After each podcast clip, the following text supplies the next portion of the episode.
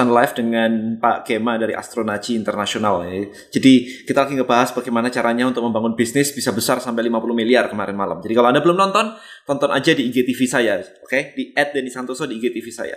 Alright, so anyway, kemarin malam itu kita membedah sebuah funnel. Kita membedah sebuah funnel bengkel gitu ya. Tapi ketika sebelum kita melakukan pembedahan funnel kemarin, kita melemparkan sebuah pertanyaan. Jadi saya dan Gema melemparkan sebuah pertanyaan. Kira-kira funnel apa sih yang mau dibedah gitu kan? Nah, apparently banyak juga yang bertanya tentang asuransi dan asuransi. Kayaknya hari ini asuransi lagi heboh banget ya. So it's a pro and cons juga karena asuransi anda masih bisa menjalankan asuransi walaupun menjadi agent asuransi walaupun Anda masih bekerja di tempat lain. Gitu kan. Jadi it's not a full time job, it's a Anda bisa menjadi part time job gitu kan dan kemudian hasilnya juga katanya cukup lumayan. Saya sendiri bukan agent asuransi, by the way, teman-teman disclaimer di sini. Um, tetapi saya ingin membedah gimana sih caranya menggunakan digital marketing untuk agent asuransi. Alright, so karena itu pertanyaan yang sering banget ditanyakan, jadi saya pengen uh, share kepada anda bagaimana perspektif saya. Kalau saya ada orang asuransi datang ke saya, kemudian bertanya dan gimana sih caranya membangun strategi digital marketingnya. Asuransi, kita analisa dulu ya Siapa target market Anda? Always, always, always, always. Jadi setiap kali Anda nanya ke saya, setiap kali Anda datang ke saya, pertanyaan saya selalu balik. Siapa market Anda?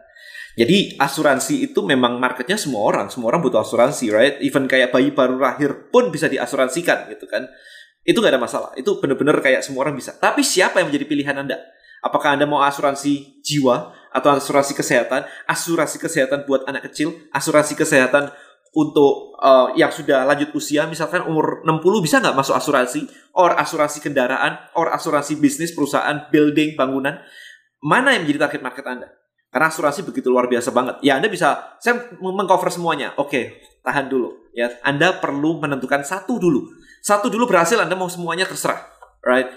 Jadi kerangka berpikirnya ini saya berbagi kepada Anda adalah kerangka berpikirnya. Sehingga Anda nggak nggak ke sana kemari tapi hasilnya minim saya mau Anda ke sana kemari itu hasilnya maksimum gitu ya. Jadi maksimum um, result ya. So, target market Anda siapa? Apakah anak kecil? Apakah ibu yang baru melahirkan dan harus mengatur finansialnya sehingga dia membutuhkan asuransi untuk anaknya? Untuk apakah dana pendidikannya nanti ketika anaknya sudah dewasa, usia 15 tahun, 18 tahun mungkin masuk kuliah butuh butuh asuransi bukan butuh butuh dana ya bukan butuh asuransi, butuh dana pendidikan misalkan. Nah, mana yang menjadi sasaran Anda? Itu yang menjadi target target Anda dulu. Ya, jadi satu yaitu market. Jadi marketnya mesti clear.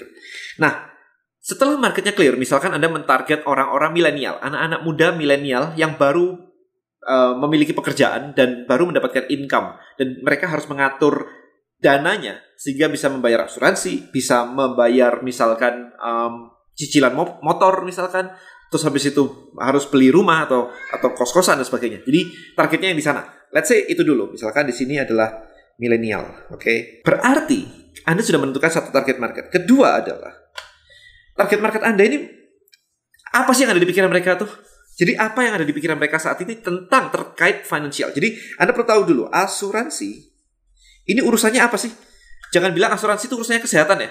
Asuransi itu urusannya sama duit, financial, bukan urusan sama kesehatan kesehatan itu suplemen, nge-gym, diet, makan, itu itu itu kesehatan. Ya, tapi kalau asuransi jangan bilang ini kesehatan. Asuransi asuransi kesehatan, tetapi adalah memanage uang untuk urusan kesehatan. Urusannya itu di duit ya. Jadi Anda harus tahu dulu ini. Skopnya di mana? Financial. Anda berada di financial business kan? Ini pertama nih. Ini dasarnya dulu ya, financial business gitu.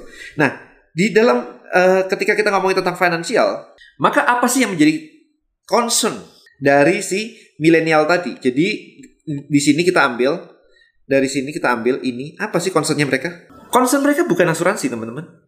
Jadi kalau anda mentarget market mereka bukan berarti nggak bisa, tapi kalau anda langsung nawarin mereka asuransi, mereka akan langsung cabut gitu. Itu kenapa banyak sekali orang susah banget jualan asuransi. Either yang di prospek sebel banget, atau yang ngeprospek nggak dapat dapat closingan. Ya kan? Berarti ada gap di antara ini. Nah, sekarang Concernnya adalah tadi saya bilang di sini mengatur financial, financial planning. Ini concernnya di sini. Ya, kata kuncinya ini Anda harus tahu dulu. Ya, jadi lupakan ini, ini red. Ini di kotak mereka enggak. Ini kita ngomong market ya. Di otak mereka adalah mengatur. Mengatur apa? Finansial. Maka dari itu, berikutnya step keempat adalah konten apa yang membantu mereka mengatur finansial. Gitu strateginya. Maka tugas Anda habis ini adalah menentukan si milenial tersebut ini berada di platform apa. Apakah mau pakai satu, uh, mau pakai IG, atau dua mau pakai YouTube? Pilihan Anda. Alright. Ada di dua-dua dan pertanyaannya sanggup nggak Anda hajar dua-duanya? Kalau saya, Anda perhatikan saya, saya bikin video YouTube setiap hari. Sanggup nggak Anda bikin video YouTube setiap hari kayak begini? Jangan-jangan disuruh posting IG sehari sekali aja nggak ada waktu. Bukan nggak ada waktu sih sebenarnya sih. Kalau kayak begitu sih, Anda nggak bisa ngatur waktu gitu aja. Karena IG itu kan kalau Anda nggak memang benar-benar nggak punya waktu, Anda bisa outsource gitu aja. ya kan? Jadi bukan nggak ada intinya Anda nggak mau gitu aja. Well, platform ini menjadi pilihan. Kalau saya, ini kalau Anda nanya saya sekali lagi, saya suka tebar jala daripada mancing. Jadi saya akan me melakukan yang namanya social media domination. Kalau saya, kalau social media domination berarti di mana aja? Nggak di sini saja. Di mana pun market saya berada. Bisa saja habis itu di sini ada Facebook, bisa saja ada LinkedIn, bisa saja ada Twitter, bisa saja ada TikTok. Angker. Di mana market saya berada? Kalau nggak ada, saya nggak masuk gitu aja. Tapi kalau ada, saya masuk semuanya. Ya, jadi anda mulai paham ya ini ya. Ini strategi urutan-urutan berpikirnya kayak begini. Nah, kemudian berarti ini ini tadi diisi ini semua diisi dari sini. Nah, ini kan Anda lihat nih terkait terus kan sekarang kan tentang apa? Financial planning. Um, yang perlu diperhatikan sekarang 6. Concern kali ya. Concern ya. Ini concern saya sih. Gimana caranya Anda create yang namanya new opportunity? Anda cek video saya tentang new opportunity ya. Opportunity. Dan jangan pakai no red ocean term. Nah, ini penting banget nih. Orang nawarin asuransi itu cuman menggunakan tiga kata biasanya. Asuransi, sakit kritis, dana darurat. itu benar-benar red ocean term, istilah-istilah yang red ocean. Dan ketika Anda melontarkan red ocean term tadi, alarm orang langsung berbunyi. Gua mau ditawarin nih asuransi ini. Gak mau ah. Mereka akan like kayak 90% nolak gitu. Begitu mendengar kata-kata kunci tadi Red Ocean ini saya saya kasih merah lagi di sini nih. Red Ocean term ini ya. Asuransi. Apa coba sekarang yang sering ada dengar gitu ya. Dana darurat. Apalagi sakit kritis, dana pensiun. Do not use this word guys. Jangan menggunakan kata-kata ini. Ini it's a big no. Ya, big no. Nah, terus gimana deh caranya? Nah, sekarang perhatikan baik-baik. Buka Google, buka YouTube, anda Google di situ, Anda, Anda cari di YouTube situ. Strategi investasi dengan income 10 juta per bulan. Uh, banyak banget men yang yang nulis itu. Anda lihat sekarang jumlah view-nya di situ. Jadi title, ini kita sudah ngomongin masuk ke ke ranah yang berikutnya yaitu hook, story, offer. Hook beda sama bahasa basi. Bahasa basi itu cuman, you know, bahasa basi. Tapi yang disebut dengan hook itu bikin orang penasaran. Bukan bahasa basi. Bahasa basi itu nggak nggak bikin orang penasaran. Hey, hari ini kamu kok gimana kabarnya waktu pandemi kayak begini? Udah punya asuransi belum? Nyebelin banget gak sih? Gak bikin orang penasaran gitu. Ya, jadi hook itu harus bikin penasaran. Maka penasarannya adalah misalnya strategi finansial or strategi investasi, gak ada masalah investasi dengan um, atau misalkan anak, anak milenial, strategi investasi anak milenial ini ya, misalnya nih ya. Dengan income 10 juta per bulan. Ini contoh, ini contoh by the way. Anda bisa kreasiin sendiri lah, tergantung market Anda. Karena tadi di atas saya milihnya marketnya adalah uh, milenial, maka di sini saya nulisnya adalah strategi finansial anak strategi finansial untuk anak milenial dengan income atau strategi investasi anak milenial dengan income 10 juta per bulan. Gitu. Atau bagaimana cara mengatur supaya dengan 10 juta per bulan saya bisa mendapatkan apa gitu. Atau misalkan kemarin yang lagi viral tuh gaji 8 juta misalkan. E, ditumpangin aja gaji 8 juta, ditumpangin. Tren tren keyword ini ditumpangin dan Anda bikin konten rutin. Ini menjadi hook. Nah, nanti di dalam penjelasannya di, di dalam story-nya, kesalahan banyak orang adalah memasukkan kata-kata kunci red ocean di hook. Itu bikin orang langsung ngabur semuanya.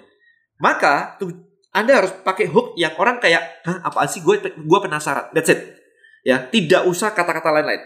Di mana di dalam sini nanti Anda bisa mengajarkan strategi investasi atau strategi financial planning untuk anak usia uh, 22 sampai 30 tahun misalkan atau 22 sampai 25 tahun strategi investasinya. Yang pertama adalah basic needs misalkan. Setelah basic needs-nya kecukupin, maka berikutnya adalah kita ngurusin tentang investasi. Habis itu kita ngomong dengan dana darurat. Dana pendidikan maybe later karena belum punya belum merit gitu kan. Jadi ada strukturnya itu semua di story, itu semua di konten Anda.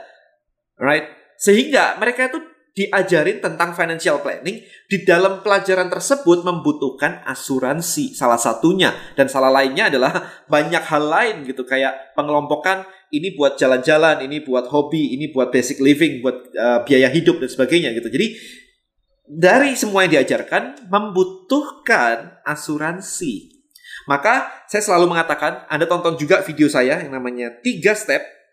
Ini works banget ya tiga step profit framework Ya, jadi yang pertama adalah create your why. Jadi ini pertama itu why. Anda munculin why-nya pakai sosial media. Kemudian berikutnya adalah uh, yang kedua ini step satu ya. Ini satu. Di sini adalah show the how.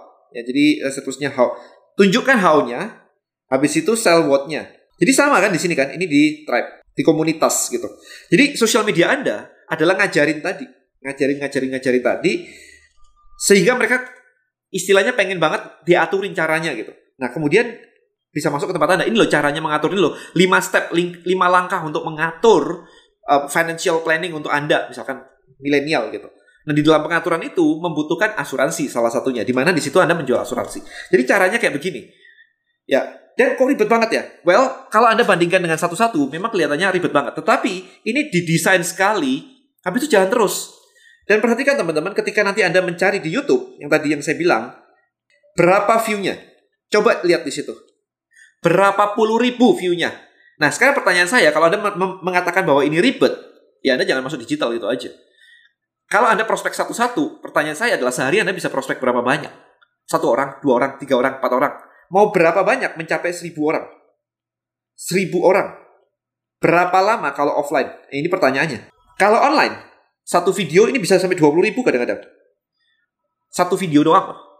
Nah, ini loh yang disebut dengan digital itu perbedaan di sini. Makanya kenapa saya share kayak begini karena ketika Anda bisnis asuransi, agent asuransi dan mau masuk ke dunia online, Anda harus memikirkan bahwa permainannya gaya permainannya beda banget. Orangnya sama, tapi kelakuan atau activity-nya itu berbeda banget. Ini kerangka berpikirnya. Jadi saya pengen share pada Anda kali ini di video kali ini, ini loh kerangka di mana saya berpikir itu seperti ini ya. Mulai dari marketnya, mulai dari asuransi itu di bidang apa sih? Oh financial, oke okay, kita financial. Berarti concernnya apa nih? Concern orang terhadap financial adalah bagaimana caranya mengatur financial. Maka kalau Anda perhatikan, konten-kontennya Jouska kemarin itu heboh banget kan, sempat heboh banget kan kemarin, di mana isinya adalah tentang financial anak milenial gitu. Booming banget. Dan saya tahu dia juga menjual asuransi, karena tim saya datang ke acaranya dia, dia menjual asuransi juga. ya. Jadi macam-macam yang dijual. Jadi kalau sekarang Anda bertanya, jualan asuransi, bisa nggak ya? Ya, itu caranya. Udah saya kasih lihat dan udah ada benchmarknya, udah ada yang ngelakuin juga gitu. Kontennya apa? Kontennya about financial planning kan. Habis itu dipilih platformnya. Juska kemarin kebetulan hanya memilih Instagram aja. I think, I don't think ada YouTube-nya ya. Atau Facebook, atau LinkedIn, atau Twitter, atau TikTok gitu. Kayaknya nggak ke sana dia. Dia fokus di Instagram aja. Ya, nah kemudian konsepnya ada creating new opportunity ya. Tonton video saya tentang new opportunity. Yang penting adalah tidak menggunakan kata-kata red ocean. Anda menggunakan kata-katanya kayak tadi. Habis itu kita menggunakan yang namanya tiga step profit framework gitu kan. Ini step ketiga saya nggak bahas di sini. Anyway, karena di sini nanti um, beda lagi gitu. Cukup step kedua aja Anda udah make money, harusnya. Nah, kemudian dari sini tinggal dikasih iklan, dikasih ads doang. Buat traffic masuk ke sini, mereka lihat why-nya, mereka tertarik, mereka akan ke sini belajar dan akhirnya mengontak Anda. Oke, saya mau dong diaturin asuransi saya. Uh, buat saya berapa sih? Ya, kan orang gak ada gambaran ya. Ternyata asuransi ada yang 500 ribuan sebulan, tapi ada yang puluhan juta, 10 juta, 20 juta, 30 juta sebulan. Ada lebih dari itu juga banyak gitu kan. Ada yang ratusan juta gitu. So, ini kerangkanya teman-teman. Asuransi bisa nggak dibuat funnelnya? Bisa. Bisa nggak pakai list building mastery? Bisa. Buat anda yang belum join list building mastery, langsung aja listbuildingmastery.id. Saya kan ngajarin ini detail banget dan step-stepnya juga supaya asuransi anda juga bisa jalan secara online. Tinggal anda mau nggak create ini semua? Karena anda harus bikin konten, men. It's not my job ya untuk bikin konten ya. Ini bukan bisnis saya, ini bisnis Anda gitu asuransi. Jadi Anda yang harus bikin semuanya ini. Kontennya apa, platformnya apa. Anda yang harus mikirin semuanya gitu. Ini semua itu baru step satu, baru step satu Oke. Okay? belum dibawa ke sini gitu. Jadi Anda yang harus ngelakuin semuanya. Bagaimana sih caranya membangun bisnis asuransi, funnelnya dan sebagainya melalui online atau digital marketing. Alright? Buat Anda yang belum join, langsung join aja ke listbuildingmastery.it. See you inside guys. Bye bye.